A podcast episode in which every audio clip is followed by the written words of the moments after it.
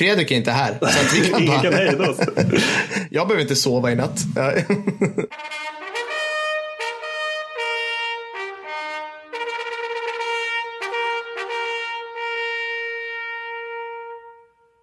Hej och varmt välkomna till ännu ett avsnitt av Kickstory-podden. Vårt femtonde, Mattis, ännu ett jubileum. Ja, eh, för något. Det, det känns bra i varje fall. Det, Ja det, det, det, ändå, det, det är så lite tecken på att vi, vi, vi har lite livskraft i den här podden. För det måste ju finnas rätt många poddar som ja, men det dyker upp så här tre, fyra avsnitt eller någonting av några glada entusiaster och sen, sen så är det över. Ja, precis. Vart, vart är själva eh, breaking point, skulle man ju vilja veta. Har, vi klarat av den? Jag tror typ, så här, kanske, vi kan säga avsnitt, alltså jag tänker 43 eller något sånt där. Alltså någon, någon, någon, någon ganska hög med lite udda siffror så. Jag, jag, jag tänkte slogs av det också att det är ju lite så för våra stolta lyssnare. Alltså vi har ju sagt att vi aldrig ska prata om samtidspolitik, men det handlar ju lite om att vi, vi spelar in liksom ganska långt i förväg att det släpps. Ja. Och, och jag funderade på om man skulle liksom ge någon form av så här bara insikt i hur långt det är. Alltså för att idag så är det, alltså, eller när det här släpps så är det, da- dagen efter att det här släpps så kommer amerikanerna att eh, genomföra den här groteska processen som de lite själv, skämtsamt kallar ett demokratiskt val. Oh, Och det är två, precis två veckor dit. jävlar. Det hade inte jag tänkt på. Men kör de på en söndag? Vi kommer ut på måndagar. Ja, Kör de på en söndag? Jag kör ti- tisdagar. Jaha, okej. Det är något ja. sånt där dret från 1700-1800-tal. Att man skulle ha liksom, man kan inte ta det på söndag för då är man i kyrkan. Utan man, man kan Mm. inte ta en måndag heller för det är så jävla långt till valbolokalen. För man tar ju liksom häst och vagn. och sånt. Ja, så det det- blir tisdag. Och det, jag har för mig att det är så. Jag har också för mig att man inte orkat ändra för det här. Men en annan Nej. bra tidsmarkör det är det här med att nu har Fredrik, vår stolte producent, han har varit pappa i precis tio dagar här. Det är bra. Det är stort. Det betyder att nu är det slut på dina tio dagar, Fredrik. Ho, ho, ho, ho. Återgång till arbete omedelbart. Gud ja. Ja. Gud, ja. Och, ja, just det. Shit alltså. Det där minns man. Då var man fortfarande i chocken. Mm. ja. Det borde vi för övrigt starta en pappapodd. Det, det är väl ingen som har kommit på det tidigare. Eh, Men det är väl typ det som är de här Della-poddarna. De har, de har ju liksom sina Della Sport och Della Art och allt vad det är. Men det är väl Della Pappa som är det stora. jag antar det. Det är den de tar betalt för, de grisarna. Så att, ja. Men alltså finns, jag kan alltså tänka mig få saker som kan vara härligare än att höra liksom Jonathan Unge prata om sitt faderskap. Det, det tycker jag. Ja.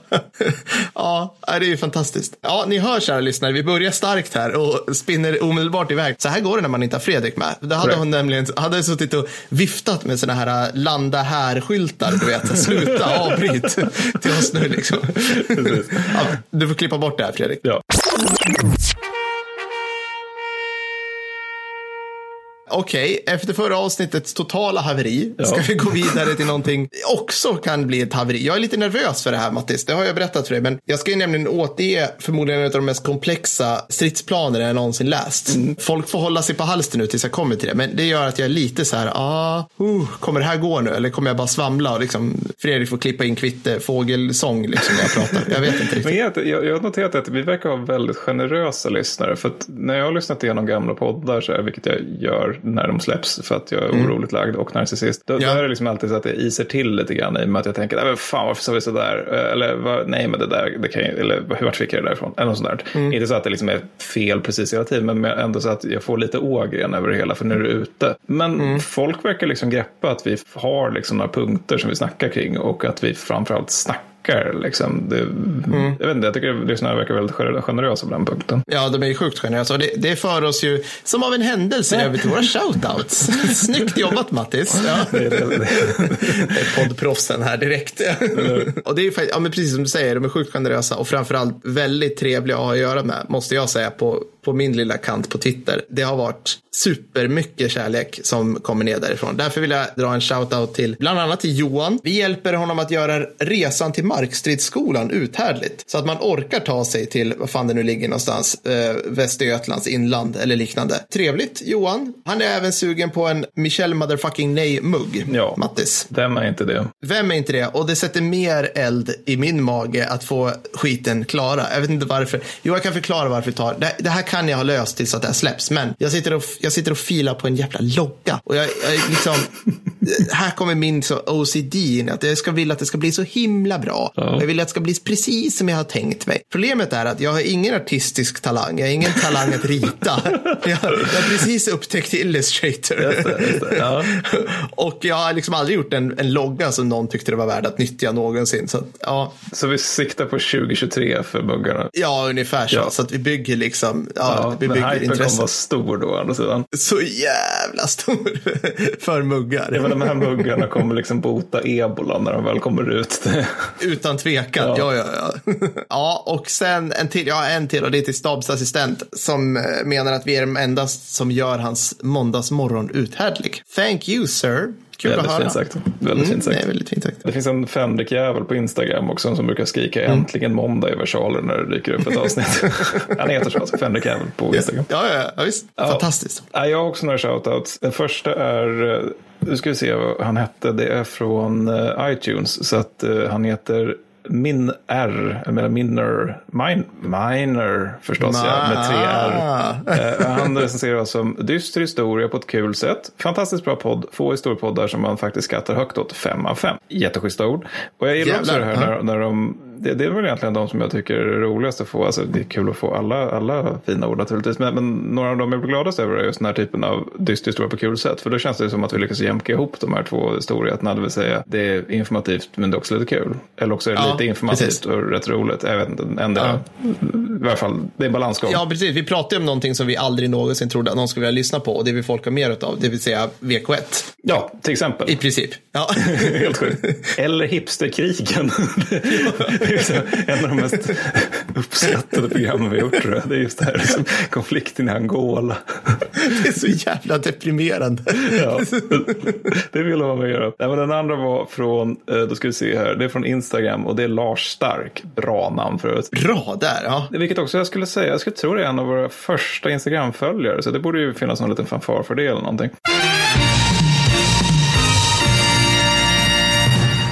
Han skriver då att eh, han, han har en kritikpunkt till vår podd. Eh, han skriver nämligen underbart. Det enda jag saknar är lite längre avsnitt lite oftare. Ja, ja. Vi har fått höra det nu. Mm. Ja, Det- men det är också väldigt kul. fin Ja. kritik tycker jag. Men, men grejen är också att alltså, det finns ju också en ganska enkel förklaring till det som, som vill, kan vara värd att stryka under återigen. Det är, att det är jätteschysst att ni vill höra det här oftare. Många har sagt en gång i veckan tack, etc. Men vi gör ju det här liksom i egenskap av småbarnspappor som jobbar fulltid och har hem och hus och hundar och katter och skit på vår fritid. Liksom. Och som, det, så, alltså, som det är just nu så får vi ju faktiskt ingen, ingen deg för det här. Alltså, vi får ju väldigt många fina ord och det är trevligt. Men, men det är det där med att vi, kan ju, alltså, vi måste ju leva också på Ja. något sätt. Men, men om någon av er är miljardär eller äger typ Volvo och vill sponsra podden så kan vi ju naturligtvis, alltså då måste vi inte hitta på sponsmeddelanden. Det kan bli som alla de här andra poddarna där liksom en tredjedel av programtiden uppgås till att liksom hylla Ja, no det. Nocco och If. Ja, fan fy det. fan. Och sen när de, när de klipper så här skitdåligt i poddarna, så här mitt i meningar. Bara, Åh, därför vill jag berätta om det här fackföreningen bla bla bla. Så man bara, åh, ja. Och sen också Ja, det, det här är- som alla vi som har liksom läst eh, en HP marknadsföring Mm. tycker är roligt är med att alla, liksom, oavsett vilken podd det är, det är alltid det med att jag har alltid använt det här, men nu Ja. kan jag äntligen prata om det. Så kan, ja, just det, sponsra oss igen.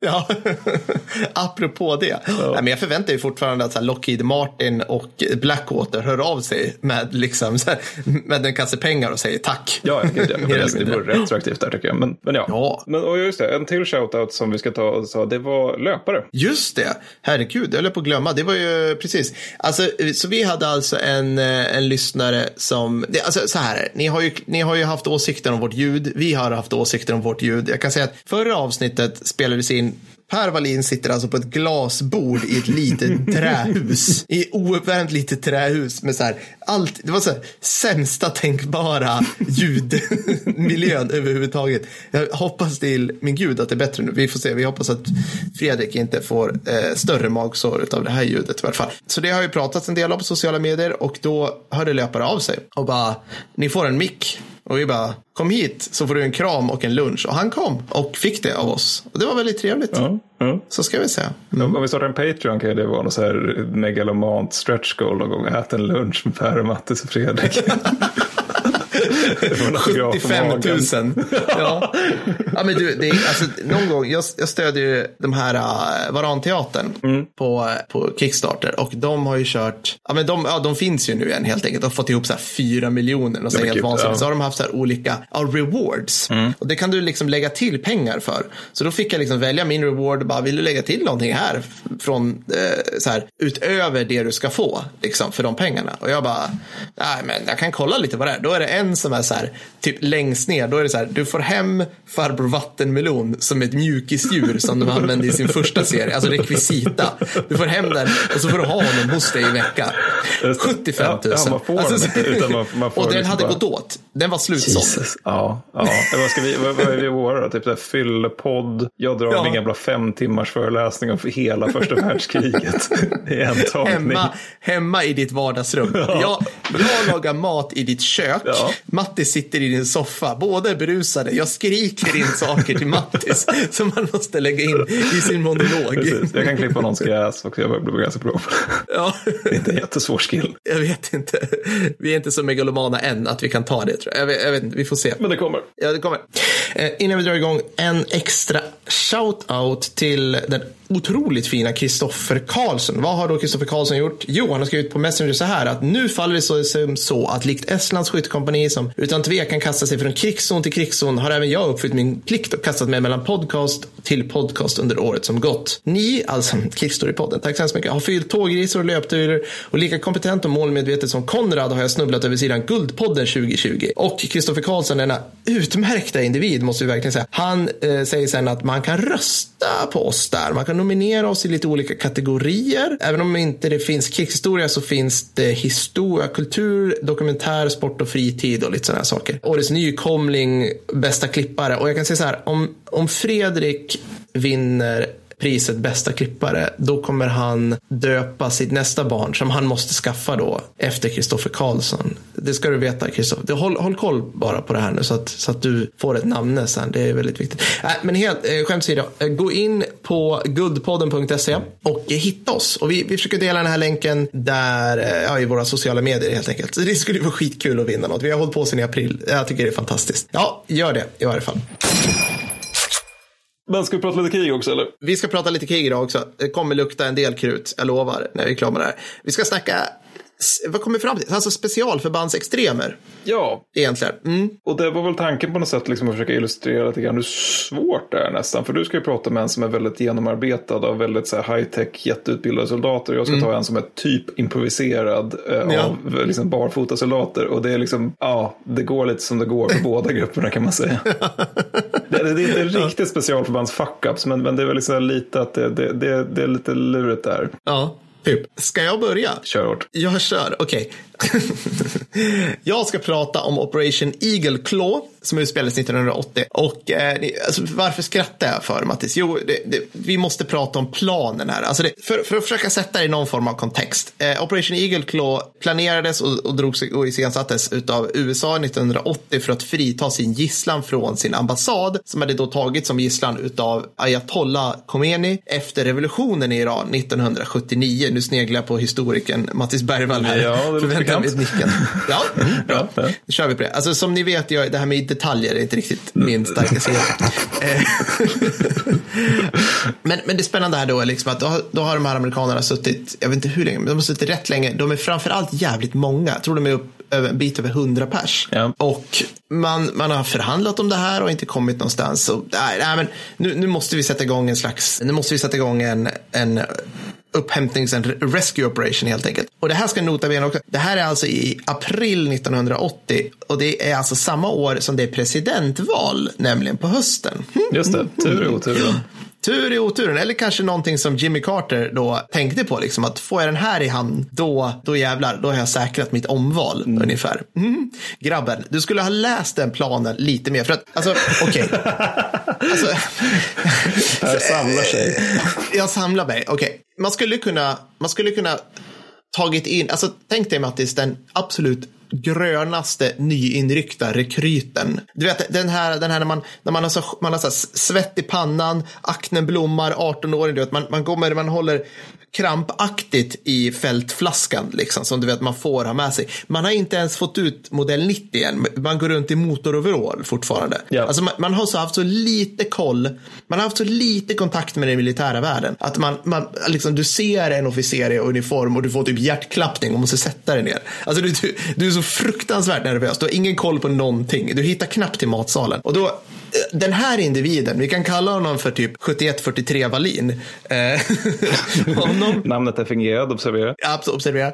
Du skulle kunna ta in honom på befälsrummet. Han ställer sig här. 71 för 3 Wallin. Han, han håller om att få klippa på Fredrik. Ja, kom in här, sätt dig ner. Och det här, är- den, här, den här som du pratar med major naturligtvis. Du har ju bara missat kronan liksom på axelklaffen. Ja, ja, ja, absolut, absolut ingen aning om någonting. Alltså, gradbeteckningar, det är liksom så här äh, sumeriska hieroglyfer. Liksom. Ja, så att, så att den, den här 18-åringen sätter sig ner och, och maj- den här Fenriksmajoren bara, ja, eh, titta på det här pappret, återkom med synpunkter på den här stridsplanen. Och nu tänker ni så här, men herregud, den här jävla individen, han kan ju inte ha en koll, vad ska han komma med? Jag spel, alltså, I kid you not, ni skulle kunna ta Samhall, Samhallstädaren i korridorerna eller så här, Conny på förrådet, sätta honom i samma jävla stol. Och den här, den här 18-åriga värnpliktiga skulle säga efter en stund, så här, ja, men jag tycker att det känns lite komplicerad plan. Och han skulle ha rätt! Alltså, jag, alltså vi, vi kommer ju gå igenom den här nu, men jag vill bara att ni, liksom, om jag sjabblar till det här nu, så ha med det i magen och känn lugnet att det är så jävla komplicerat för att förstå det här. Och det, det är också, så ska ju tilläggas då liksom att grunden för en bra plan är väl just att den inte ska vara för komplicerad. Ja, alltså, Alltså, alltså, ju, ju, grunden fler, för all... ju, ju, ju fler moment som måste klaffa, desto större är risken att någonting inte klaffar, vilket får ju följdproblem lite senare ifall det inte klaffar. För att jag tänkte inte på det. Ja, nej. alltså, det, alltså, allting som ni som lyssnar vet om militär verksamhet, alla, alla grundprinciper från, från liksom, nu höll jag på att säga Mao, ja Mao också i och för sig, men Sun Tzu och Clausewitz och alla bryts i den här planen. Bra. Alla. Okej, vilka ska göra den här? Jo, det finns, det finns en militär styrka som heter Delta Force som precis har, ja, ungefär har uppfunnit sig själv. De började med Project Delta, hette det, under slutet på Vietnamkriget och blev ett eget förband någonstans, ja, 75 någonstans, någonstans under 70-talet. Och det är helt enkelt så att en amerikan, hör och häpna, lyssnade på och tittade och studerade hur ett annat land satt upp sina specialförband, nämligen SAS. Mm, jag vet, helt otroligt. Jag vet inte hur väl han lyckades med att liksom emulera världens främsta specialförband just då, men ja, hur som helst, de här är snäviga snubbar. Om ni, det finns det här är kul. Jag tror, jag tror det här är från sent 80 i och för sig, men det finns en slags reklamfilm som Delta gjorde innan de kom på att de typ eh, skulle vara hemliga. när, de, när de liksom har filmat sig själva där de så här, alltså det, Det inte, inte reklam mask, på typ så här cornflakespaketens baksida och sånt där, eller? Ja, typ, nej, alltså det, det är filmat. Det är en film. Bra. Det är liksom klipp som de har klippt upp där de gör så här skitsnä. Alltså, tänk er liksom, tänk er en 14-årings syn på hur specialförband tränar. Det. Så är det. Alltså de, de kör i bilar och så övar de på att liksom fishtaila sig. De gör svinsnäviga inbrytningar, repellerar ner från helikoptrar, hoppar folk. Alltså allt det här gör de. Det. För att visa liksom hur snäviga de är eller någonting. Och sen kommer någon och sa så här, det här är inte så bra. Men det, att det, är också en visa ganska, upp. det är ganska kul kontrast mot liksom, du vet, de här typ så här 12 bilderna som finns på Soggen. Så det är väl Jimmy Krona Ja. som har tagit dem. Där, där liksom, de vapen de använder är hemligstämplade och alla har Ja. balaklavor på sig för att nej, nej, nej, nej, nej, nej det här är så jävla hemligt. Hur många är ni? Ja, nej, nej, det ser vi inte. Vi ser inte om vi finns. Finns ni? Vi vet inte.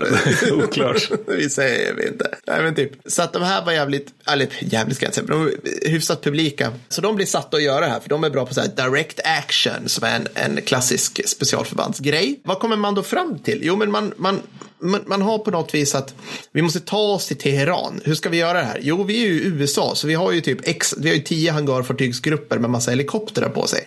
De måste ju vara till för någonting, eller hur Mattis? Vi måste ju använda dem, vi har ju dem ju. Ja, ja. Vi är, värld, vi är världens starkaste militärmakt. Och är det någonting vi har lärt oss från Vietnamkriget så är det uppenbarligen det här att helikoptrar, det är jävligt trygga.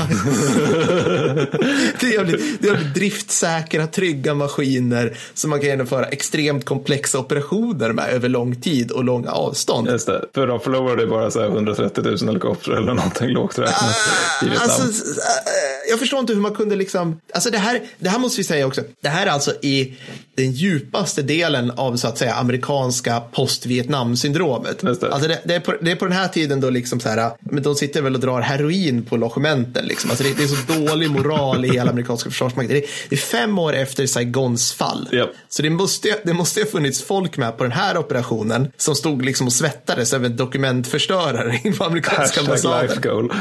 Ja, och som hörde liksom Diddy Mouse, Diddy Mouse skrikandes utanför. Liksom. AK47 bajonetter som viftar över det, fönstret. det.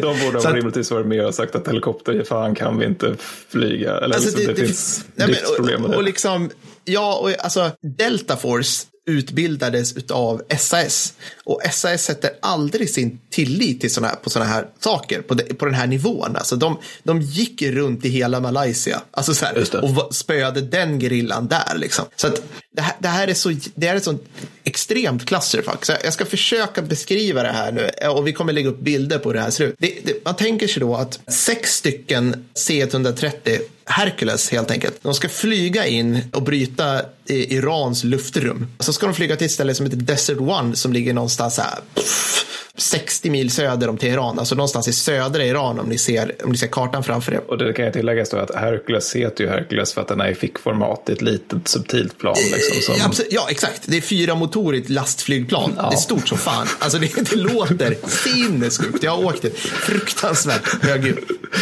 Och, och, och de här då tre första inledande flygplanen ska helt enkelt landa på en eh, väg mitt ute i öknen som, de, som en, eh, en så här Air Force controller som hade liksom flugit in där någon vecka innan hade liksom sett ut att ja, men det här blir nog bra. Det blir nog skitbra. Det är typ som en svensk vägbas från den här tiden säkert. Ja, exakt. Precis. Så det, här, det här går ju liksom. Så, ja. så jag, jag tänker som att det ska... Jag vet vad jag gör. Jag berättar hela planen och sen, sen säger jag vad som gick åt helvete. Ja, det låter lovande. Ja, mm, så, och så kan ni tänka, när ni hör mig berätta om det här, fundera nu ungefär, så- där sket sig det. Eller där sket sig det. Och så när jag väl berättar vart det sket sig så får ni se om vi är rätt.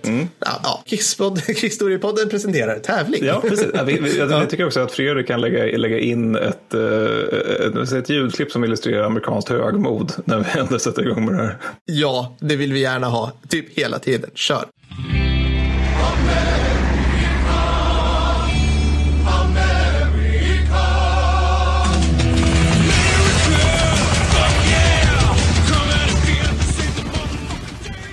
Vackert. Tack så mycket. Mm.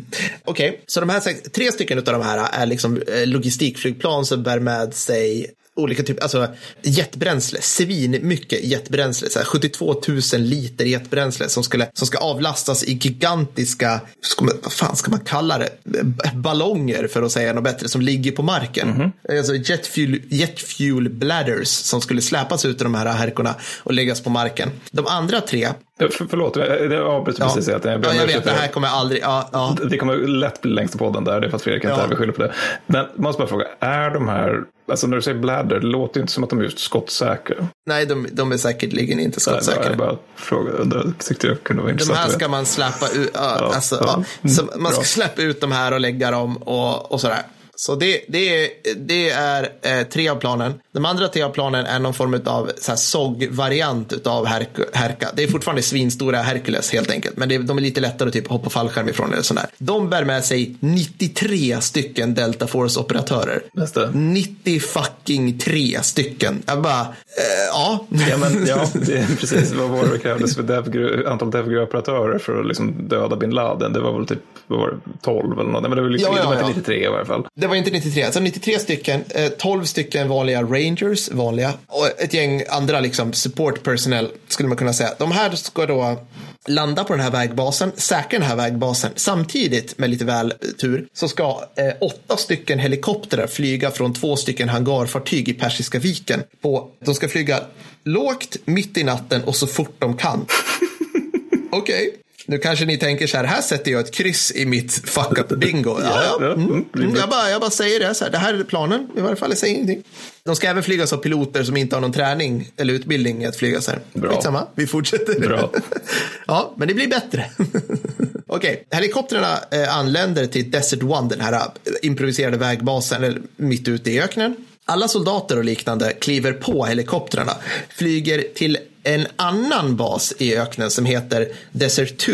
Desert 2 ligger typ, de säger ungefär åtta mil ifrån Teheran.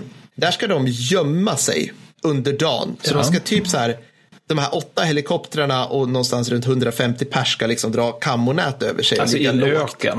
I en öken, Ja. ungefär typ inom synhåll från en 10 miljoner människors stad. Men För en öken ser man ju liksom saker som är vid horisont. Alltså det, det, är, ju, Mm. det är inte mycket skydd och skit. Eller jag vet inte. Är det någon vadi de tänkte hitta där? Eller vad? Okl- oklart. Okej, alltså, bra. Ja. Jag har noterat ett ja. litet kryss här i fuck up. Ja, Ja. ni kan fundera på det här. Mm. Okej, och nu, blir det, nu händer det grejer.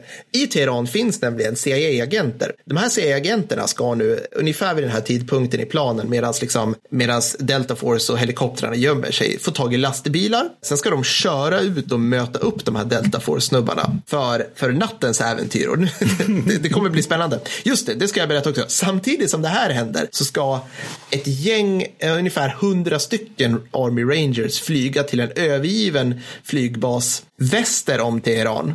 Ta den och vänta. Men, Så det händer samtidigt. De gör alltså, de invaderar Iran Ja. som en del, som en stödjande liten del utav den här sinnessjuka invasionen av Iran. och, och, och antalet soldater blev just dubbelt så många. Alltså så Blev dubbelt så många. Ja, yes. Ja, ja, ja, okej. Och vi fortsätter. Nu är det, nu är det, nu är det andra natten, om ni ser, om ni ser det framför er. Mm. Det som händer då är att lastbilarna kommer ut till våra Delta Force-snubbar och alla klättrar in i lastbilarna. Helikoptrarna lyfter och flyger till en tredje ställe. Vi kallar det inte Desert 3, de bara flyger iväg och gömmer sig. nu ska vi se om jag minns det här rätt. Jo, och sen kör lastbilarna in i stan, då, då, då har ändå USA tänkt till så här, ja men de ska köras av så här farsi-talande individer och sen kan ju alla typ hundra kommandosoldater försöka gömma sig på något vis där. Så de sitter där liksom i en hög med velcro och taktiska skägg och solbrillor. Vi är helt vanliga. Pers. Vadå? Uh, Durka Durka, Mohammed Jihad. Durka Durka. så, så kör de in i, i Teheran. Och här, här blir det hyfsat så här som ni tänker er. Det blir lite Black Hawk Down. De stormar en ambassad här, tar, tar loss massa gisslan. De stormar annat så här inrikesministerium där. De spränger lite grejer för att liksom ta sig ur. Ja. Är, är det här också på olika, de- olika delar av Iran? Liksom? Så, Ja, ja, ja, de måste liksom lite färdväg emellan. Precis. Alltså. Perfekt. Ja, ja, det är absolut. bra. Det är färdväg. Alltså det här är inte så, det här är alltså, eh, Teheran är liksom, fan vet jag, sju gånger större än Stockholm eller något. Så att, Jag, anar liksom friktion i den här planen. Men alltså, alltså det, det, ja, okej. Ja, okej. Och allting är gjorts nu då. Så att typ den här lilla, typ säg paramilitära gruppen har typ stormat det här ministeriet, om jag minns rätt att skulle de göra. Och eh, våra deltas med, jo, med stöd utav AC-130 gunships. Alltså, ni vet de här, de här härkorna som man har satt kanoner i, Ja. som man använder i kod. Ni vet dem. Eh, Ja, de ska då cirkla ovanför Teheran, hade man tänkt sig här nu. men, men man måste också, förlåt att jag avbryter precis Nej, nej, nej, kör. Du kommer få göra det mot mig. Men, men jag bara, Ja. liksom, återigen, det här, om vi liksom fortsätter med fuck up-bingot här då. Det, alltså, om de ska åka där måste man ju på något sätt Mm. förutsätta att eh, det som Iran saknar är A. Luftvärn. B. Flygvapen.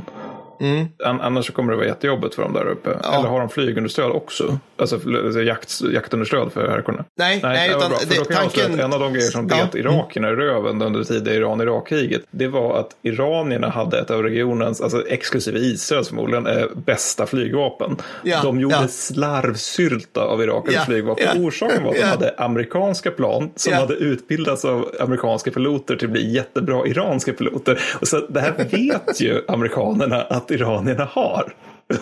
Ändå ska de då alltså köra oskyddade AC-130 över Irans huvudstad. Så förmodligen har ett militärt flygfält i närheten, kan man tänka.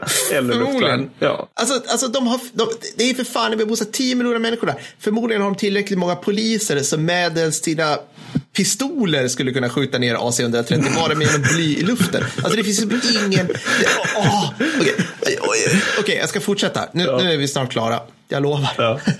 Okej, så låt oss säga att alla har klarat av det här. Vi, vi har hämtat gisslan. Nu, sitter, nu, nu ska liksom den här konvojen med, jag vet ingen jävla aning, 80 stycken lastbilar ska ta sig nu från tre olika ställen till en arena mitt i Teheran som de då lägligt har erövrat. Alltså typ så här Råsunda Råsunda eller whatever. Typ östra, nej, de ska till Östra stadion. Ja, I princip. De har varit på så här fem ställen i Stockholm ska till Östra stadion. Kommer du ihåg Mattis att jag nämnde att det fanns åtta helikoptrar som hade gömt sig på ett nytt ställe ute i öknen? Ja, just det. Just det. Mm. Nu dyker de in. Och, och ska då plocka upp de här. Men det hur här många kommer ju inte funka. Det måste väl alla vuxna människor förstå. Alltså, eh, okej. Ja. Okej. Och eh, vad hände sen då? Ja. Jo, sen då, glöm inte de här hundra rangers som precis har erövrat en, en iransk flygbas. ja, just det. Eh, Just det, kommer du ihåg dem? Ja, de, de väntar nu. Så helikoptrarna, de åtta helikoptrarna flyger från centrala Teheran till den här övergivna flygbasen som kanske är övergiven. Där står Rangers, high-fivar alla och sen kommer in typ två, tre stycken C-151 som är typ militära stora passagerarplan. Hämtar alla, flyger hem. De här åtta helikoptrarna förstörs på marken. Ja. Och till tonerna av Star Spangled Banner, America Fuck Yeah, Ja. så tar Jimmy Carter emot eh, den befriade gisslan på typ så här Arlington, eller nej men liksom Ja, i USA. kommer definitivt hamna på, men ja. Ja, okej. Så det är planen då. Jag måste dricka vatten. Ja, Ja, det var- ja det här, alltså jag blir helt, ja det här är planen. Okej, eh, så det var planen. Mattis, nu kan du kanske det här, men om du får gissa då, liksom. låt säga att du aldrig hört talas om den här operationen. Hur långt, hur långt tror du det gick bra, ungefär? Alltså om jag skulle nu, som du säger, jag vet ju ungefär hur det går, men alltså, om, Mm. om jag skulle få gissa liksom, från, utifrån tabula rasa, liksom, oskuldsfull okunskap, då, då tänker Mm. jag att det skulle vara Ja, men säg att de tar sig till öknen ändå. Det, det låter väl rimligt. Och sen så då att de, de tar sig, liksom lyckas få, i- få ner folk där. Så säg då att de, de, de, tar, de lyckas ändå ta sig in i Teheran liksom. Och sen där Okej. blir de stannade av trafikpolis. Liksom. Trafikpolis undrar vilka i helvete är ni och varför ser ni ut som liksom, specialutbildade dödsmördarsoldater? Ja. Eldstrid utbryter, alla amerikaner dödas. Det, det är ungefär där någonstans jag tänker mig att det skulle... Ungefär så. Ja. Ja, ja men det, det är en bra gissning tycker jag. Ja, det Den är är fel, tack och lov. Ja. För att, alltså, den här planen skiter sig jättetidigt. Till, alltså, och det är nog det bästa som kunde hända. Alltså, Jo. förutom att den, så här går det till till slut. Kommer ni ihåg de här sex stycken flygplanen som skulle upprätta den här vägbasen från början? Mm. De landar till slut efter rätt mycket om och men, för det är inte alls lätt att se det här. Och hela premissen för att det här ska fungera är ju då att det här är en, det här är en väg mitt ute ingenstans. Det är ingen jävel som åker på det här. Så att de, de, de sprider ut de här sex flygplanen, och, eller sprider ut tre tankningsflygplan ska jag säga. De andra tre, de sticker. Det första som händer, det är att det kommer, det kommer en lastbil körande, en iransk civil lastbil. Den blir stoppad av de här 12 stycken rangers som har upprättat en vägspärr i ena, i änden av den här vägbasen. Den skiter i det. De skjuter en pansarvärnsrobot i den så att den exploderar. Så att det första som händer mitt i natten det är att ett enormt jävla eldklot uppenbarar sig. Stackars lastbilschaufför. Ja, liksom. Det, det sjuka är att ja, det, här är, det här stryker en iranier med, men en lyckas fly. Ja, ja, bra. Alltså så här, liksom, lyckas fly och de, de lyckas inte liksom, för det var ju tydligen en till bil med eller så här, som sticker iväg. Så att Ja. de är ju, alltså operationen är ju röjd. ja, ja. Enligt, ja. enligt, men de bara, Ja, men för folk bara, att ingen lyckas fly så är det fortfarande så liksom att det här enorma L-målet i natten ändå skulle kunna få revolutionsgardet att liksom sätta T1 i hal- halsen, tänker jag. Ja, alltså. Åh gud. Och de bara shit, vad är det som händer? Det roliga här är att samtidigt som det här händer så är helikoptrarna på väg. Så vi har åtta Ja. helikoptrar som har lyft. Och det här är alltså det här är Sea Stallion helikoptrar och det, det här beror lite på vilken källa man kollar på nu. Men jag kan säga så här att många säger att, att de här var alldeles för gamla. De hade flugit, alltså de hade flugits för länge utav amerikanska marinkåren som flög dem. De piloterna tillhörde på något vis amerikanska marinkåren. Så att de var liksom, ja men det helikoptrar blir, de blir liksom materialtrötta på något vis liksom. Och, och eh, piloterna hade liksom inte utbildning i att flyga med night vision goggle med ju- mörkerhjälpmedel på den Ah. höjden. Och du, de var tvungna att hur flyga. är det ja. möjligt? Det måste ju ändå finnas någon i hela amerikanska krigsmakten som har den utbildningen. Ja, ja, ja. Och Det det, här är ju ändå en prestigeoperation. Absolut, det fanns på riktigt hundra stycken helikopterpiloter från flygvapnet som kunde det här. Ja, men det blev inte så. Eller, eller Men det vadå? blev inte så. Okej, Nej, det blev inte så Det, det var bara så här. Ja. För, förmodligen för att någon, någon, jo, det finns någon som resonerar så här. Någon som säkert säger, ja men vi har de här piloterna. Ja men de har ju aldrig, de har ju inte utbildning för att starta från ett hangarfartyg. Nej, och liksom så här, de kan så att- flyga på natten. Det måste väl ändå vara en USP i sammanhanget. Ja, så, så att det här är ungefär som filmen Armageddon. Så att istället för att ta astronauter och lära dem att borra lite grann så tar vi så här, illiterata, alkoholiserade gruvarbetare och lär ut dem att bli astronauter.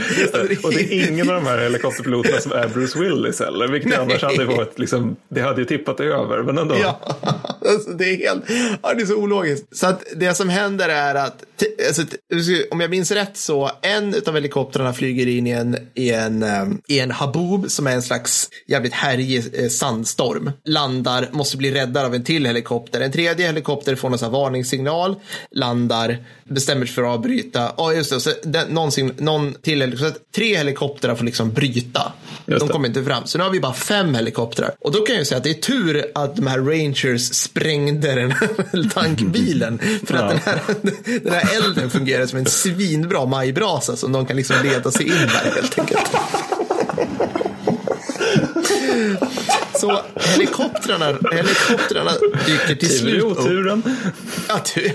Helikoptrarna dyker till slut upp och eh, eh, landar då efter mycket om och men. Vad händer då? Jo, då är ju nämligen en, en iransk passagerarbuss vill åka igenom hela uppställningskolonnen. För att du vet, ja men alltså, det är ju det här som är så.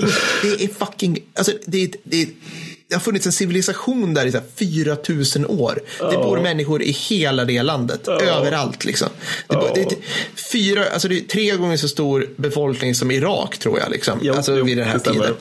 Det är svinmycket folk. Så, så man kan då gissa att eventuellt det är folk som bor här och, liksom, och använder de här vägarna, att de inte bara upprättade för att se fina ut. Nej, och, Men där och sen sen skulle man ju liksom, liksom vilja veta, vad, när de står alla deltas där, Ja. liksom täckta av, av eh, velcro som sagt, vad de säger till varandra när de ser Ja. passagerarbössen gå förbi. Liksom, ja, är det där ett problem? Eller liksom, vad, vad kan de ha tänkt? Ja, exakt. Jag skulle vilja sitta som en jävla fluga på väggen bara när, någon, när folk kommer in och presenterar det här för president Carter. Alltså, liksom, det här tycker vi är en bra plan. Ja.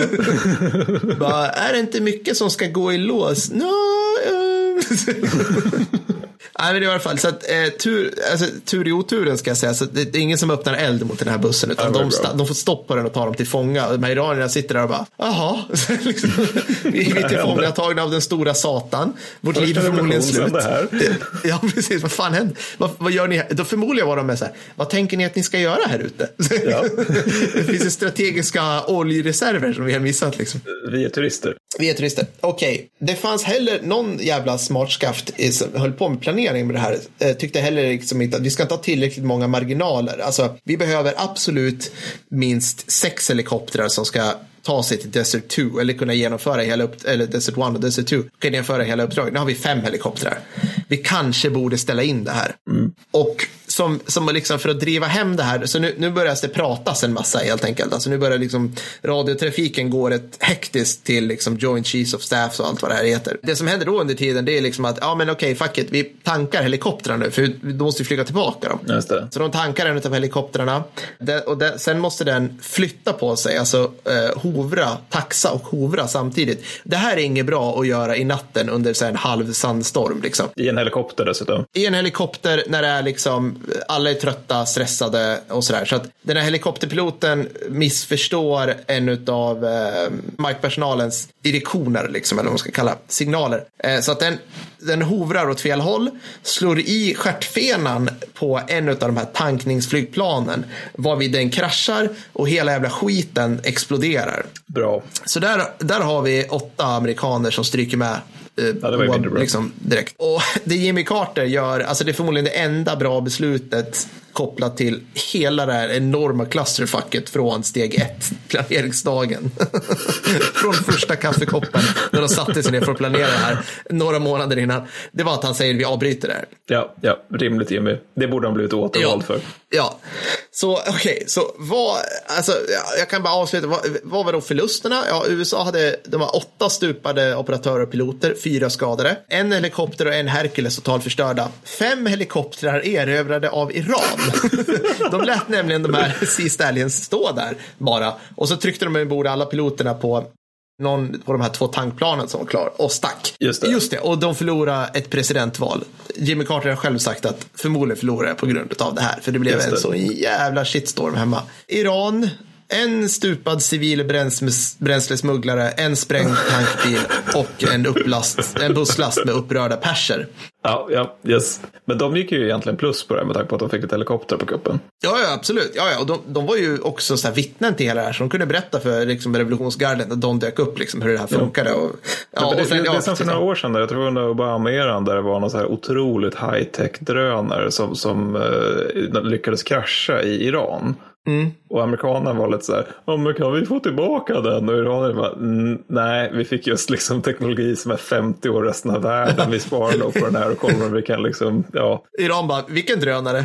Ja, men den där. Nej, det är ingen drönare. Men jag vill inte vara inne på vårt löfterum. Det vore väl Nej. jättekonstigt om det var det. Vi är i fred med varandra, eller hur? Ja, ja, och de här två helikoptrarna, eller två av de här fem helikoptrarna användes fram tills för några år sedan. Alltså det, det är sånt enormt fuck you till USA. och en annan utav fortsätter dem. av principiella skäl liksom. Ja, ja, visst. Ja, ja, de bara, men den är för gammal, nu ska vi. Nej, nej, nej, nej, nej. det här är för roligt. Alltså, vi måste hålla i liv i Det det är här. kvar Och en- de flaggorna på den. Ja, ja, och en av dem står som museiföremål på Teherans internationella flygplats. Okej, vi måste komma ihåg att det här är en jävla teokrati. Men det här är fan Ja, ja. roligt gjort av den här jävla Ja, alltså, teokratin. Ayatollan har lite humor här. Alltså, Ja, det, det är ju så. Vad ska vi säga om det? här? Jo, nej, men som sagt, ja, min, min ödmjuka åsikt är att det var jävligt tur att det gick åt helvete. För att precis som du sa Mattis, alltså, det finns ju inget sätt det här inte hade slutat i åtminstone ett massivt blodbad i en 10 miljoner människors stad.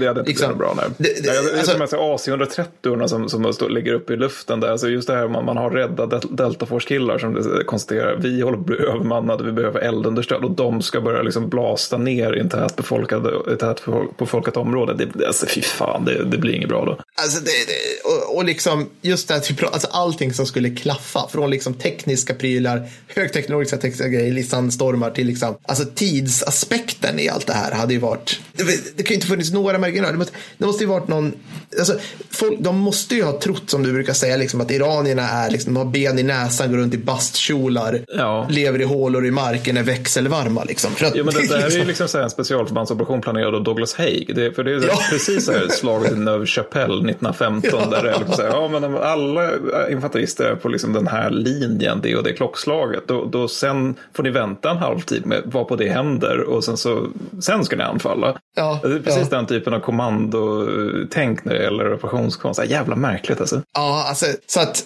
och vad var det då liksom effekten av den här fuckade operationen? Jo, alltså det blev väl, jag ska säga bra, men eh, USA insåg liksom att, eller de, satte, de tillsatte en kommission för det här som kom fram till att all, allting var ett jävla clusterfuck. Men en av de värsta delarna var liksom att eh, de olika vapen, eh, nej, förlåt, de olika försvarsgrenarna i USA pratade inte med varandra, de konkurrerade. Bland annat det här att varför skulle det vara marinkårspiloter som flög de här helikoptrarna, inte flygvapenpiloter. Och Det, det var massa sådana där grejer tydligen. Så det här ledde fram till att man skapade det här uh, US SACOG, Joint Operations Special Forces Command, som nu liksom alla, ja, alla de här tillhör liksom, på något vis.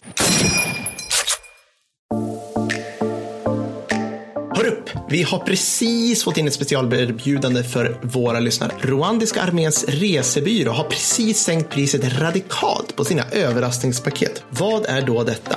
Jo, det är inget mindre än att du och några vänner kliver på ett slumpvis utvalt plan vid Kigalis internationella flygplats och med hjälp av ett eh, styck Glock, en satellittelefon, en utav Kabarebets gamla kommandos så får ni sedan se vart ni hamnar.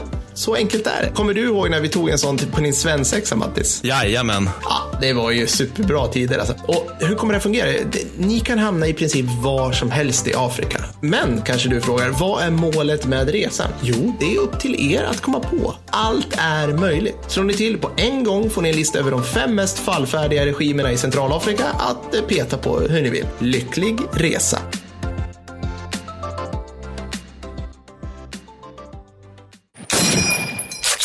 Ja, nej, men då så. Det, det, det var Operation Eagle Claw.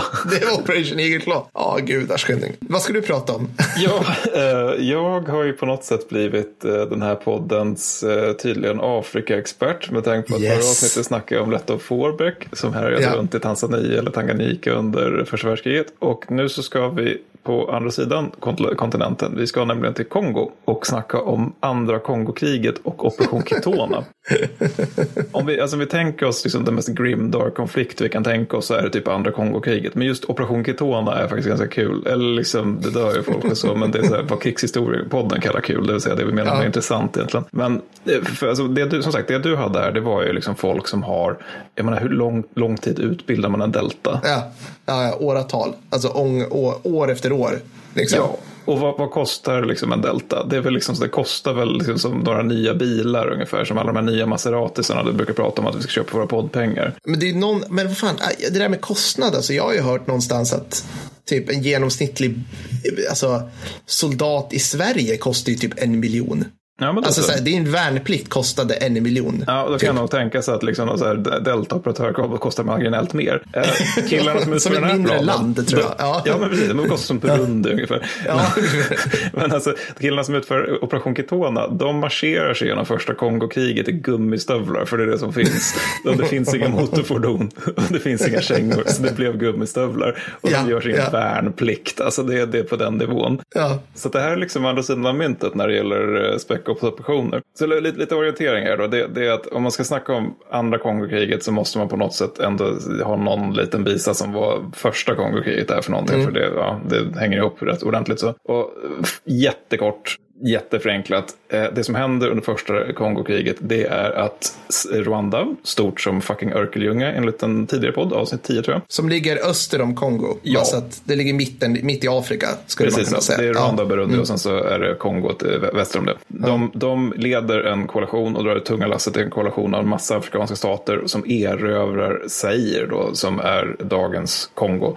Vilket alltså är som är stort som typ Västeuropa. Ja, ungefär så. Ja, men, ja. Någonting åt det hållet. Ja. 12 Check. Afrika har jag läst någonstans. Och säger då, det byter namn till Demokratiska republiken Kongo. Precis som med alla länder som heter Demokratiska X ja. så är det väl inte just varken demokratiskt eller en republik. Men det ligger åtminstone, liksom Kongofloden ligger där så ett rätt av tre möjliga, det är ju bra. Alltså ja, vi måste ha något avsnitt där vi pratar om Holy Roman Empire. Which was not holy, not Roman and not an empire. Exakt så. Ja, men det är bra. Metternichs gamla sägning. Men eh, de byter också ledning då. De har, innan har de Mobutu Sese Seko som han, det, om ni har sett, om ni tänker liksom sinnebilden av en afrikansk diktator och inte tänker Idi Amin och så istället en lätt, lätt korpulent herre med en leopardskinnsmössa, då har ni Sese Seko. Jävla bra. Han är jättebra. Han ledde vad som har kallats för en kleptokrati. Det vill säga alltså inte en demokrati som ett folket styr utan att pengar och mack, liksom hungern efter pengar styr. Så att, ja, det, menar, det är som, vi ska inte uppehålla oss vid honom för mycket men en delanledning till att Rwanda vinner det är att hans ganska stor armé. De hade bland annat en pansarbrigad har jag för mig att det var. Det fanns stridsvagnar, det fanns pansarbesättningar men de hade liksom ingen i Sveriges armé, de hade ingen bensin. För att de hade liksom de lokala pansarcheferna bara slangat över till sina taxiarmador som förvisso var lukrativa. Men ja. det var ju det gjorde det lite jobbigt när den här rwandiska hären kom stampandes då. Så han försvinner i varje fall tillsammans ja. med typ alla pengar i världen. Jag har för mig att de ja. lämnar kvar liksom så här 10 frank sedel i Rwandas eh, statsbank. Resten skepparen. Vilket också är ganska bra fuck you. Ja. Um, ny, ny chef då är Laurent Desiré Kabila. Mm. Kabila han, han, är liksom en, han, han, han har hållit på att ska göra revolution ganska länge och sådär. Och rwandierna tycker att jättefint att du har dina tankar Kabila. Men vi mm. tänkte att din, tror hans livvakt ska vara rwandisk officer. Hans stabschef ska vara rwandisk officer. Uh, typ så här, chefen för palatsgarde ska vara rwandisk officer. Liksom alla omkring honom är rwandiska officerer. Och han blir liksom bara allt mer och mer paranoid över det här och tänker att gud, mm. tänk om de ser mig som någon form av liksom pappet, någon sån här docka som de kan styra runnen. Bara, ja, vad fan tror du vi liksom, varför tror du att du installerades? Så ja. då, efter när det har hållit på ett tag då, så bestämmer sig Kabila för att han ska hålla ett otroligt ödesdigert radiotal. Och, alltså, tro mig när jag säger ödesdigert, för det som, mm. det som är konsekvensen av det här, det är det blodigaste kriget i världens historia sedan andra världskriget, vilket är ganska ordentligt. Ah. Där han, säger, han tackar den, det kongolesiska folket folket för deras tålamod med rwandierna. Och så säger han ja. åt rwandierna att nu får ni bara gå er väg. Och rwandierna tar det sådär kan man säga och bestämmer sig att fuck off, då invaderar vi Kongo. Och det här är liksom det här gör de på någon månad eller någonting. Alltså att de bara så, men nu har vi fred till att nu ska vi återigen angripa vår enorma granne och liksom bara improvisera ja. upp en, en invasion. Sparkar de igång liksom en hel krigsekonomi över det här när andra, andra kongolesiska kriget tar igång också? Liksom? Hur, hur ser det där ut? Alltså de har ju liksom i praktiken befunnit sig i krig mot olika så här um, hutu-gerillor och liknande under liksom mellanfreden. Så, så att de, mm. de har nog fortfarande ganska ordentligt mobiliserat samhälle. Så. Det, det, det har de nog. Alltså. Det, det, de är redo på olika sätt. Mm. Men, men angående det här med liksom just Rwanda, man tänker sig rwandiska armén. Om du, om du tänker, liksom, man, man tänker sig liksom fördomarna med afrikanska armé. Hur, hur tänker du ja. då? Ja, men, eh, illa disciplinerade, typ ingen utrustning, åker runt på pickisar, eh, mm. har liksom folks, folks öron på ett snöre runt halsen, mm. tuggar katt. Ja, precis. Jag har rätt, jag har rätt djupa fördomar mot afrikanska arméer. Alltså, I rätt många fall, vad jag vet, så är de inte helt osanna. Eller också så här mycket att de agerar till palatsgarde, att de liksom är mest där för att se till att diktatorn är kvar. Eller något sånt där. Ja, det är väl liksom ja, ja. som man tänker sig. Och den sistnämnda funktionen har definitivt Rwandas armé, äh, RPA kallar vi den här efter Rwandan People Army på engelska. Men grejen är att det, det, utöver det där med att se till att liksom lokal, makten så har de också någon, några grejer som är ganska unika för sig själva. Det skulle, skulle jag säga gör dem till förmodligen centralafrikanskans bästa armé. Alltså, det, menar, det är väl inte ashård konkurrens där, men alltså, de, de kan sin skit. Och de är ganska intressanta generellt. För de, alltså man tar typ Kenias armé eller man tar säg Senegals armé. De, de, det är en typ av krigsmakter som har rötter i att vi, hade, vi var en koloni förut och då, nu så har vi liksom vår militärtradition från britterna i praktiken. Mm. Så det är liksom brittisk mm. krigskonst som man har ympat in mm. i Östafrika i Kenias fall. Ja. Men rwandiska armén har nästan inga sådana rötter överhuvudtaget. Utan deras rot, rötter är att de har varit en gerillaarmé från, från början. De har tutsi-armén som, som stred ja. mot hutuerna innan folkmordet. Och det, det gör liksom att de, de, de har liksom andra militärtraditioner som de sen har liksom fått hjälp av amerikaner. För många av deras officerare har liksom gått på de bästa jäkla skolorna på, i USA då, av mm. olika skäl. Där ingen amerikan visste vart Rwanda låg, garanterat. Nej, nej, nej. Det var, nej. You were from Rwanda? yeah, my cousin is from Alabama. That's right, right at home, right?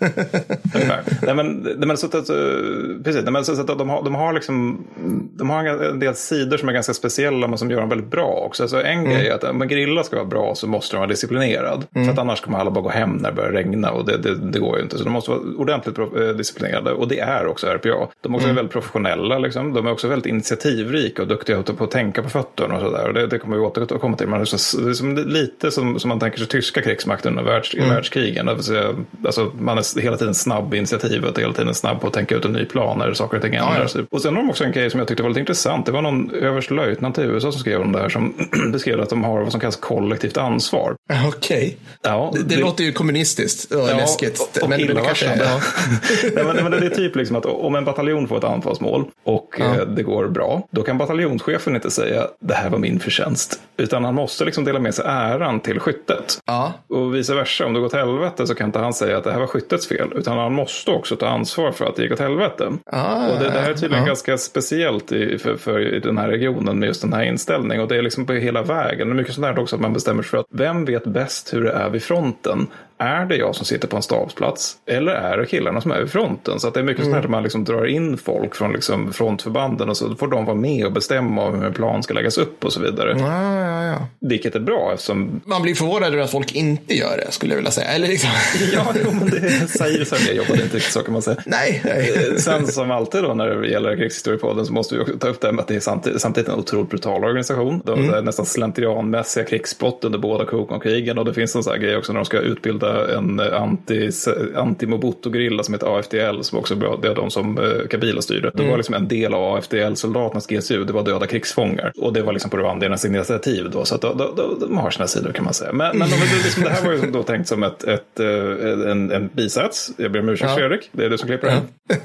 men det, var så, det, det som händer då, det är att Rwandierna får gå, gå, ut ur Kongo. De blir svids över det, förklarar Kongo-krig, bestämmer sig för att invadera. Och rätt snabbt så dyker eh, överste James Kabarebi upp eh, och tar typ hela Kong östra Kongo. Bara över några nätter sådär. För att han känner, han, han känner ju liksom lokala cheferna och tycker att ja men du gillar väl mig, här är lite pengar, varsågod. Ja. Så att rätt snabbt så ja. liksom har bara hela östra Kongo fallit. Och eh, han då, han, han, eh, han tycker att det är lite trist att det är 2000 kilometer mellan Goma, där han hänger, fel, Goma, eh, Uh, nej, för nu ska vi se. Goma är i. Gona ligger på Papua Nya Guinea. Sorry. det var nära där Mattis. Ja, ja, var... Ännu en följetong i så här Kickstory-podden uttalar saker fel. Eller hur? Ja, men exakt. Ja, men det är snårigt där. Ja, men han befinner sig i Goma. Han tycker det är lite trist att det är 2000 kilometer mellan honom och Kongos huvudstad Kinshasa. Så mm. efter några, dag, några dagar efter krigsutbrottet så slänger han liksom bara ihop en plan som han tänker ska bli krigsavgörande. Apropå det här med att tänka på fötterna. Så ja. 4 augusti, och det tror jag är två dagar efter krigsutbrottet, så bestämmer sig 4 augusti 1998 kan tilläggas, så tar Kabarebe då, den här översten, han tar några hundra rwandiska, vad som, har liksom, vad som står i de böcker som finns om det här, så kallade kommandosoldater. Ja, vilket jag ja. tolkar som att det här är inte specialförband, utan det här är bara liksom, det här är bara alltså, rwandiska soldater som är lite mer på. Ja, de är lite mer drivna. De är lite mer drivna, men det är som de har visat framfötterna. Alltså, bra, kom tidigt på uppställningen på morgonen. Liksom. Men, jag, jag älskar ju när, när vi pratar om sånt här, du, du, och jag har ju snackat om det här förut, men just det här liksom, vissa, vissa termer som när de dyker upp i litteratur så, så här, riggar varningsklockor hos ja. oss. Det är så här, elitförband, så här, kommando. Alltså, det är så här, ja, men kommando känns ju ganska irreguljärt på något sätt. Det känns ja. inte som att det finns en Mars och stab som håller på att hålla koll på de här gossarna. Men, men han tar några hundra sådana i varje fall, så klämmer han in dem i civila Boeing-plan. och eh, det, det, det, är liksom som man hittar i Goma, man bara shanghajar dem i grund och botten. Jag tror det är ett först som man åker med och sen så är det ytterligare ett gäng som följer efter då. För att mm. det första planet då, då så är det en pilot i då och eh, han, han har liksom egentligen inga planer att, att åka till Kinshasa för det är återigen det är 2000 kilometer och det finns liksom mm. luftvärn och skit däremellan. Men han uppmunt... Tillhör han så här Kongo Air? Ja, men, typ, liksom... ja men motsvarande. Men det är väl så här som att eh, SAS liksom helt plötsligt har 180 stycken rwandiska citat kommandosoldater vad det innebär ombord. så att han uppmuntras till den här flygningen med 9 mm nacken. Och planen är då att, eh, apropå plan och apropå okomplicerad plan, för att det här, mm. det här är mm. inte Claw, utan Kabarebe bestämmer sig för att vi ska flyga till Ketona. Det är ett flygfält, det ligger jättenära Kinshasa. Sen ska vi ta Kinshasa, eller först ska vi säkra Ingadammen, sen ska vi ta Kinshasa, sen ska vi avsätta eventuellt döda Kabila och avgöra kriget. Det är det vi ska göra. Och det, det är ändå, man jämför det med Claw som är liksom att alla flygplan, helikopter i världen ska landa typ i mitten av Teheran och hoppas på att Iran, eller liksom iranska polisen inte säger någonting om saken. Så är det här liksom, det är ett under av simpelhet. Att ta plan, jag hittar ett plan, vi åker, sen tar vi staden. Så framåt, fråga Men det. Får jag fråga, den här översten, så här, liksom, kom, han kom på det här själv. Hade, pratade han med liksom någon form av generalstab i Rwanda? Eller hur liksom? Jo, men alltså, han, han la fram sin plan för, för, eh, för eh, presidenten som heter Paul Kagame. Men, men, det var liksom också typ så här eftermiddagen, för han hade hängt i Kongo. Han var en, en av de här som hade varit en del av Kapilas stab, tror jag. Jag minns inte vilken mm. post han har haft. Men, men sen liksom han kommer hem och det, vad jag förstår är typ att han på resan hem skissar ihop det här och slänger in det till president, eller han är försvarsminister då, men mm. till Kagame, Paul Kagame i varje fall. Säger, det här tänkte jag göra. Kagame bara, ja jag kör, blås på bara, det blir nog bra. men så i alla fall den här piloten stackaren då, han som tänkte att jag ska liksom få en lugn resa hem mm. liksom, till min familj och sådär. Han börjar bli, få lite kalla fötter när han börjar närma sig Kitona Airfield då. Mm. För att då är det ju det här med att Kitona Airfield har ju luftvärn och det, det är ingenting ja. som ett Boeing-plan, återigen civilt fucking Boeing-plan. Det är som ett stort passagerarplan.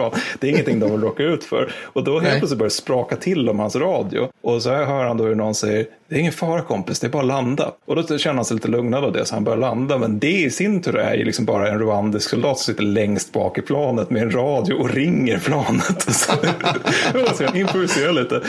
Sen då så landar de. Det här sker under beskjutning av ett fucking civilt Boeingplan. Ja. Men det är mest symboliskt liksom. För återigen är jag, okay. är jag, ja, men återigen är det med att Kabarebe, han känner ju folk. Ja, ja, ja okej, okay. nu är jag med. Ah, smart. Ja. ja väldigt smart. Nej, men så att de får skjuta lite grann på Boeing plan så de visar att de har gjort heroiskt motstånd för fosterlandet. Och sen ja. så får de lite pengar liksom, så att de slutar med det. Och att de snarare då kanske kan ansluta sig till de här glada, stridsglada rwandierna som är här nu.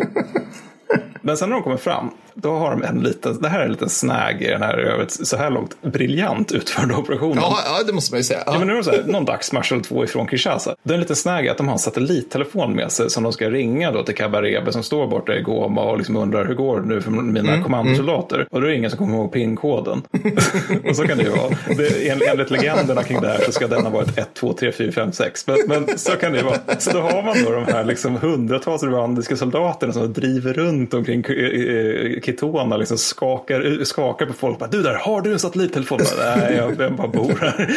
Men så hittar de en oljeingenjör då som de typ vänder upp och ner på och ut trillar en satellittelefon som de då kan ringa och säga tja, det gick bra, så att vi blev lite sena chefen. Ja. Och sen då till 5 augusti, vilket jag säger dagen efter, så är det 3000 rwandier som står på Kitona. Och då, då tänker man ju liksom ändå liksom att Kongo, jättestort, jättestor befolkning, de har en stor krigsmakt sådär. Då kan väl den här krigsmakten göra någonting. Och de, de skickas ju liksom in då. Men, men istället då för, för att bekämpa rwandierna så, så visar det sig att de här är också så här liksom missnöjda i största allmänhet med Kabila och framförallt med sina löner och sånt där. Så att de låter sig snällt mutas till att byta flagg. Så att liksom ju mer man skickar mot Kabarebes styrkor desto fler soldater får han. Eh, Plötsligt har Kabarebe pansar.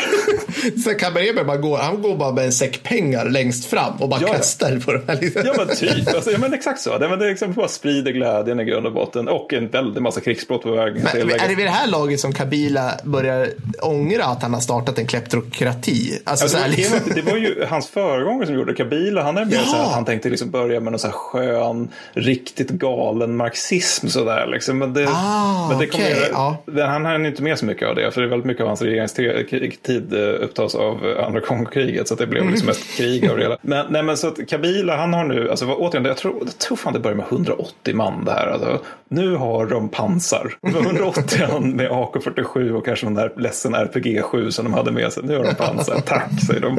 Så i varje fall då. De är på väg. Kinshasa ser ut att falla. De intar Ingadammen som är det som försörjer Kinshasa med el. Så nu har inte Kinshasa någon el. Det, det här blir liksom hysteri i huvudstaden för att det är Det är liksom... väl en mångmiljonstad, kan jag misstänka. jag, Liksom. Ja visst, och det är liksom, nu, nu är helt plötsligt så här, sjukhusen har ingen el och folk fastnar i hissar och det är bara allmänt elände och alla börjar oroa sig att det ska, ska, ska bli någon form av tutsi-imperium så att det är massa så här våld mot lokala tutsier och sånt där också. Men det är här någonstans som de räddas av den här konfliktens, två, två av den här konfliktens andra aktörer för att det är typ miljarder aktörer i den här konflikten. Men det är att Angola och Zimbabwe, de tittar liksom på det här lilla Pluttranda och så ser de att men helvete, de håller på att ta Kinshasa.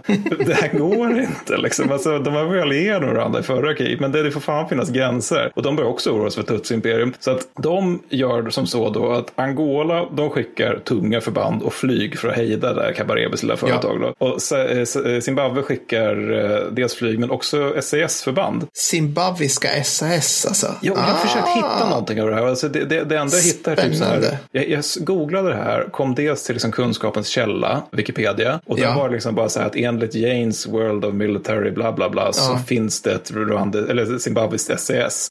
Ja. Mm. Punkt. mer? Nej, Tack. inte det. Så det Nej, har också varit så här nej. olika så här, vill du jobba som telefonförsäljare i Zimbabwe? Ja. Då, då, då, Ja.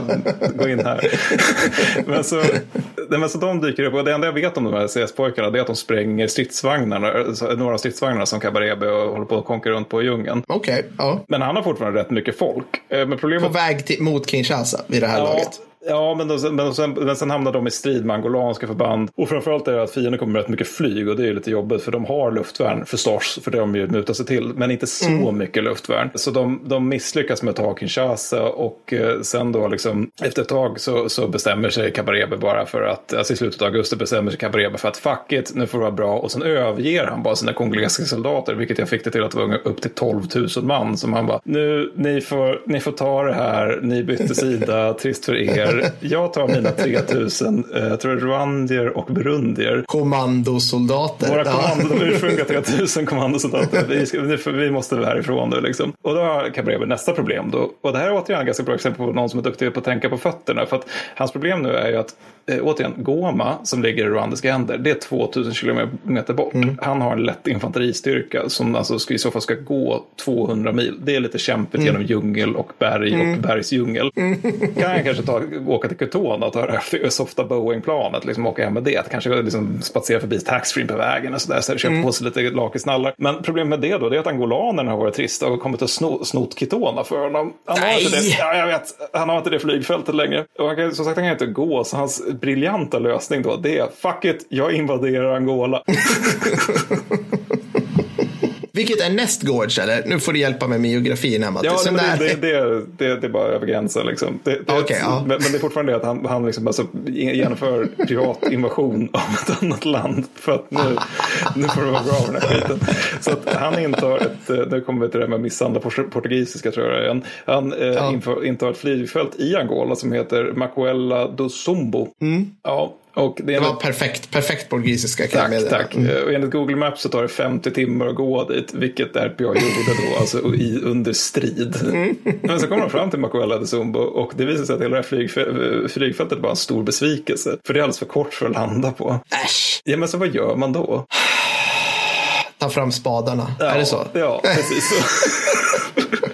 Kamarevs lösning det är bygg ut skiten med 400 meter. Det är ganska mycket och det här sker ja. under två jävla månader. Där det är massa, återigen, vad jag tror är rwandiska värnpliktiga som du bara, ja vi är ingenjörssoldater nu. Vi får bygga, ja. Vi får bygga ett uh, flygfält. Det är sånt som en specialiserad uppgift i alla andra krigsmakter. Men nu är vi lite duktiga på att tänka med fötterna. Så vi får göra det helt enkelt. Och medans vi gör det så är vi också tvungna att ta, slå tillbaka upprepade angolanska anfall. För att angolanerna är ju lite sura över att det helt plötsligt var någon som tog ett av deras flygfält. Ja. Så här, lagom till jul, julafton, ja då har Kabarebe fått ut sina 3000 man.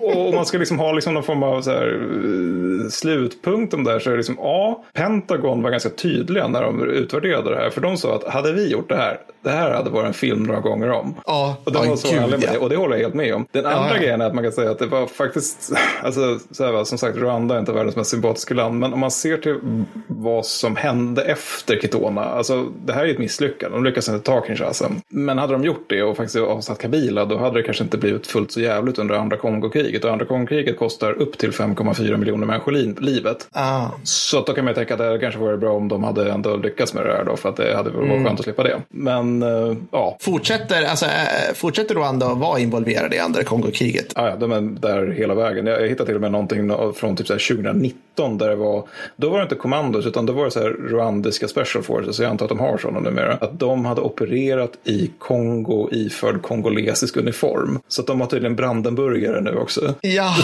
Nej, men alltså, de, de, de, de, fortsätter med det här. De, de, fortsätter också att vara väldigt, väldigt duktiga på att slåss under, under hela mm. andra, rwandiska, eller andra Kongokriget. De har, hinner jag med två exempel till på det? Eller? Ja, ja kör, kör. Ja, men då... Fredrik är inte här. Så att vi kan Ingen kan hejda oss. Jag behöver inte sova i natt. Nej men alltså så här, de, de, dels har de en grej där under det här kriget så är liksom Uganda och Rwanda de är allierade rätt länge. Men sen kommer de ihop sig över Kisangani år 2000. För Kisangani det är liksom en viktig kugge i diamanthandeln. Och vid det här laget så har liksom andra kriget helt slutat handla om det här med typ så ideologi. Utan nu handlar det bara om att nu, nu tänkte vi bara få ut så mycket saker vi kan från Kongo. Så att liksom Uganda exporterar mer guld per år än det finns totalt i hela Uganda. Och det är för att de tar kongolesisk guld och sådär. Ah. Så då börjar de gräla om Kisangani då. Och det som händer då det är liksom att man börjar skjuta på varandra.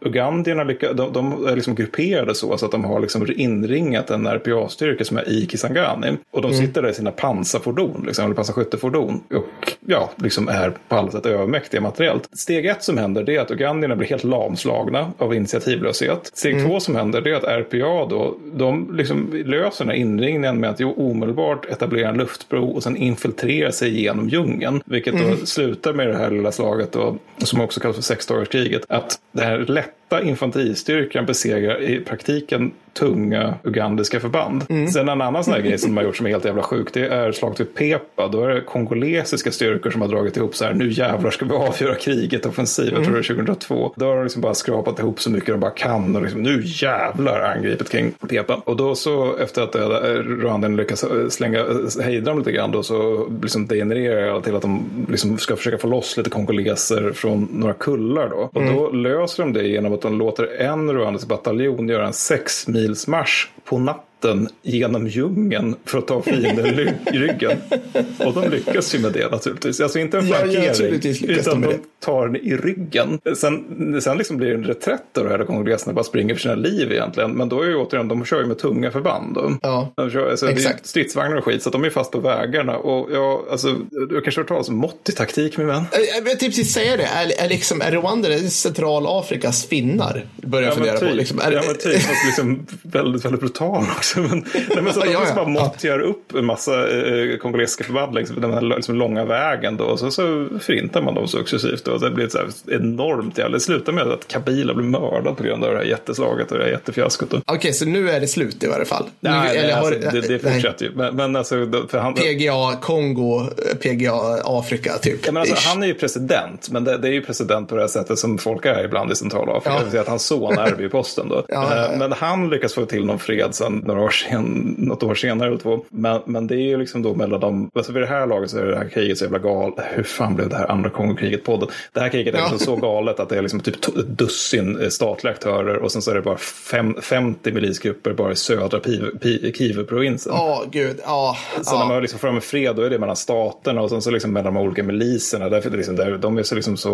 okontrollerbara så det, det, de, det är många av dem som är igång fortfarande. Ja, ja, ja. Okej. Men, men oh, skitsamma, Operation Kitona, ganska eh, intressant grunka, eller ganska galen grunka. Jag, jag tänker på det här, för att vi har ju något form av mellanläge mellan de här två som jag kom på nu som var framgångsrik. Och det är den här när israelerna fritar sina gisslan från Entebbe under näsan på Idi Amin. Kommer du ihåg det? just det, just det. Ja, jag vet vilka du menar. Ja, mm. Det är ju något liknande att de flyger in med typ en härka och så har de bilar, fordon i. Men det, den, är, den är mycket, mycket mindre i skala. Alltså jag kan tänka mig att det, det är de två nu, nu, nu, det här grundar jag på att jag såg en Netflix-film för två år sedan om det här.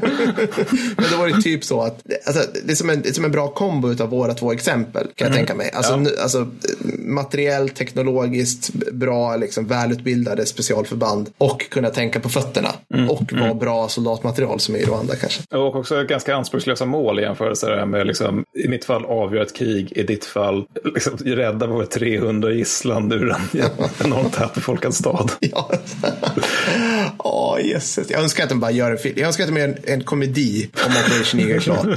Alltså så på, det här, men på det här sättet som typ så här, vad fan är det? Det har gjorts bra så här krigs, så här, War Machine eller liksom Space Force eller något sånt där liksom. Det skulle vara kul. Eh, Right. ja, herregud Mattis. När inte Fredrik är här, då ballar du. Nej, jag skojar. Det över vet ju, tiden men, framförallt. Det här blev faktiskt längsta avsnittet hittills. Det blev typ liksom.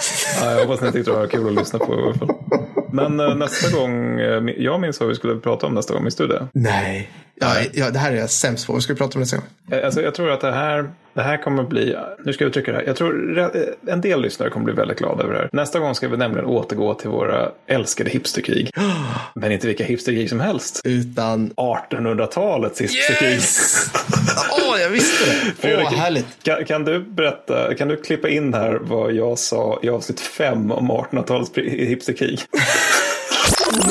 Vi kan, vi kan ju ha en separat podd om hipsterkrigen under 1800-talet och det kommer bli det tristaste vi någonsin gjort. Men det, Bara en massa kommentarer. Ja. ja.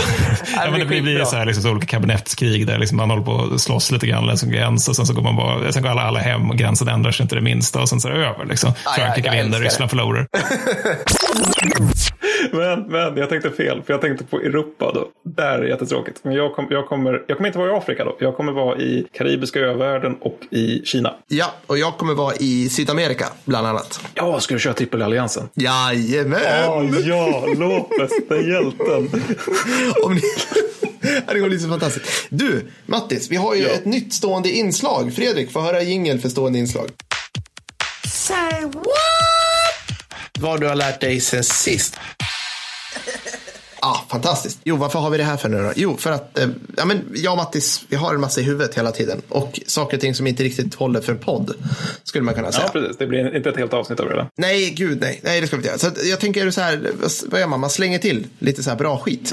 Så vad har du, vad har du, vad har du med dig sen sist, Mattis? Ja, men jag har med mig, alltså det här är nästan ett personangrepp, men jag tyckte det här var så jävla konstigt så att jag, jag, jag, jag tänker ta upp det i alla fall. Vi, vi kan kalla honom för eh, Bob helt enkelt, bara så det blir en anonymisering. Ja. Men, men jag, jag var ute på, på nätet för jag behövde hitta någonting alltså så ganska konstigt. Det var typ, typ någonting om pansartjocklekar eller någonting för jobbet.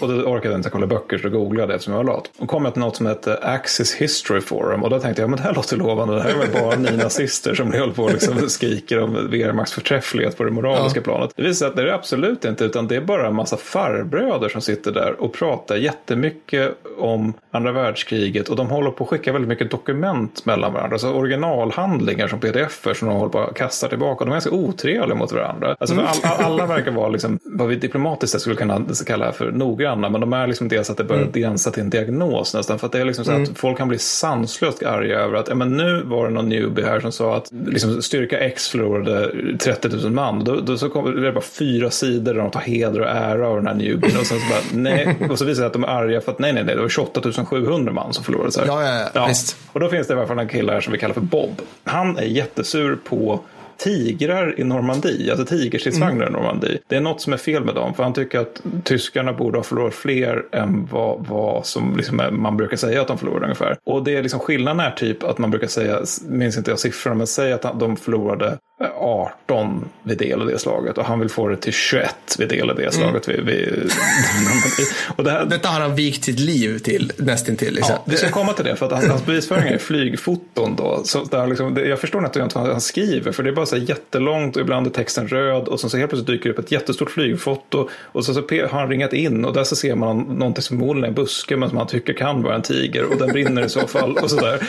Men, och så håller han på så här, jag är jätte, jätte mot alla andra användare. Och så tänkte jag att ja, det här var lite lustigt, började liksom gräva bakåt i det här forumet. Så hittade jag liksom poster från jävla, jag tror det var 2010. Där, där liksom, nej, 2011 var det, där samma farbror sitter liksom med sina flygfoton, är precis lika arg och bara på att visa här, kolla här, kolla här, de ljuger om tigrarna, det är minst två till än vad vi vet, alla konspirerar emot mig. Och då tyckte jag det var lite lustigt, men sen av ett helt annat skäl så var jag inne på det tråkigt nog avsomnade TDI-forumet som var alltså Träff institutets forum. Och då hittade jag Bob där också. Åh herregud, han är överallt. Han är överallt. Och det här var en tråd från 2002. Och då dyker han upp, men då har han liksom inte hunnit bli riktigt arg och bitter än, utan då är det liksom så att han typ säger att ja, jag tycker det är något som inte stämmer med tigrarna som är utslagna i Normandie. Här är lite flygfoton. Och då dyker liksom de här förbröderna på TDI-forumet upp och säger att men alltså, flygfoton är ingen bra källa, de är ofta griniga, det är väldigt svårt att identifiera dem, de föreställer inte alltid det datum som det står på det. Alltså att de lyckas redan där såga liksom, flygfoton som källa. Men lagom till 2020 så har ju han samlat på sig tusentals sådana här, så det, det kan inte vara en dålig källa för det här, efter 18 års ältande om ja, nej. Så det har jag lärt mig sen sist, att det finns de som är inbitna. Det finns de som är inbitna. Vi Ja. tror att vi kan vara nördiga ibland. Men Nej, det är ingenting mot Bob. Jesus. Ja, ja, men det, det är kul. Bob, om du lyssnar på det här, hör av dig så får du en mugg. Någon gång. 2023. 2023. Ja, vad har jag lärt mig? Ja, Jag har inte alls den här djupa eh, sy- synen. Jag har lite, jag har lite spaningar. För jag har sett två krigsfilmer. Jag har sett 1917 som eh, Mattis, du måste basera den. Alltså, jag Ja, kan, jag det är som känns det. Och jag har sett Greyhound. Och eh, alltså, men jag vill ju vara lite positiv Mattis. Jag vill nog säga så här. Jag tycker folk, folk med, med folk menar jag Hollywood i princip, börjar bli bättre på att göra krigsfilmer. Det, det, jag, alltså, för att, okej, 1917 är, mwah, alltså det, den är så jävla bra. Den, den är bra som en film, bra. Den är bra på typ alla sätt. Och Greyhound är inte lika riktigt bra, men den är ändå jävligt gedigen. Och jag är en sån här som, alltså jag tittar på en krigsfilm och bara, ja men den var, ja men den var bra, men det finns säkert en massa som är fel i den. Du vet, de har liksom ändrat allting. Så jag har gått in, så, som, jag vet inte hur ni gör när jag tittar på filmer, men jag, jag sätter mig omedelbart på IMDB och går igenom hela jävla trivia-katalogen, alla goofs och allting och bara plöjer allt och lär mig allt om du vet, det de gjorde fel. Och det är inte så mycket fel. Det, alltså det, det är liksom, okej, 1917, här har de, alltså avståndet mellan främ, eh, här, främsta skyttegraven och fältsjukhuset eller förbandsplatsen, det är alldeles för kort. Just det. Skriver någon. Men så är det någon annan som säger, ja men det där är temporära skyttegravar, det är väl anfallsskyttegravar. och du vet så här, man bara, ah, du vet så här, det kan vara så. Och sen, sen är ju filmen, du måste, alltså du måste se den av den anledningen, men den är ju, den är ju den är gjord som att det är en tagning. Då kan man inte hålla på och följa en kille i 45 minuter medan han går. Alltså du vet, Någonstans ska det vara en film också. de, de har ju tryckt ihop allt geografiskt väldigt mycket. Mm. Och sen, samma sak i, i Greyhound var det så här, ja men okej, den, den typen av, av skepp, eller förlåt skepp, äh, örlogsfartyg som de åker runt i, det var inte riktigt inne då, de fanns inte i det antalet. Nej okej, och sen, sen är det någon motsvarande marinbob som bara, talröret som han pratar i, det var en annan nyans av grönt. Jag vill bara ha det sagt. ja, men det är bra. så att, eh, jag tror att det är, eh, jag tror, jag tror, jag vet, kanske lär sig. Eller så börjar de inse så här att det behöver, alltså, folk gillar krigsfilmer utan att de behöver vara Fury. Ja, Liksom. men det är bra. Och det är vi tacksamma över. Men, men jag, jag sånt. tycker också det är så lite att man på något sätt har kommit ur den där uh, gyllene eran efter, efter 11 september där alla amerikanska krigsfilmer på något sätt skulle handla om att USA var snälla och bra. Liksom. För det följs ju sen av en annan era som är liksom där alla krigsfilmer är så jävla cyniska och det handlar om att Mm. ah, men det är bara makt, alla är lika goda skålsupare och sådär. Ja, Det kan, man kanske äntligen har kommit ur det lite grann. Det vore ju roligt. Och sen är det kul Ja, jag också att de är liksom någorlunda realistiska och autentiska. Ja men, det, ja, men det gillar jag. Vi har ju pratat om det här tidigare. Jag tycker det är, det, det, alltså, framförallt ska det vara en bra film. Ja. Sen om man gör lite våld på historien spelar ingen roll. Men nu tycker jag liksom att, äh, äh, rätt så bra. Ja, ja. Rätt så bra. Mm, mm, mm. Härligt. Fan, avsnitt 16 kommer bli ett episkt. Ja, 1800-talets hipsterkrig. Ja, det kommer bli fantastiskt. Jajamän. Bra. Vi hörs Mattis. Ha det gött. Hej. Hej.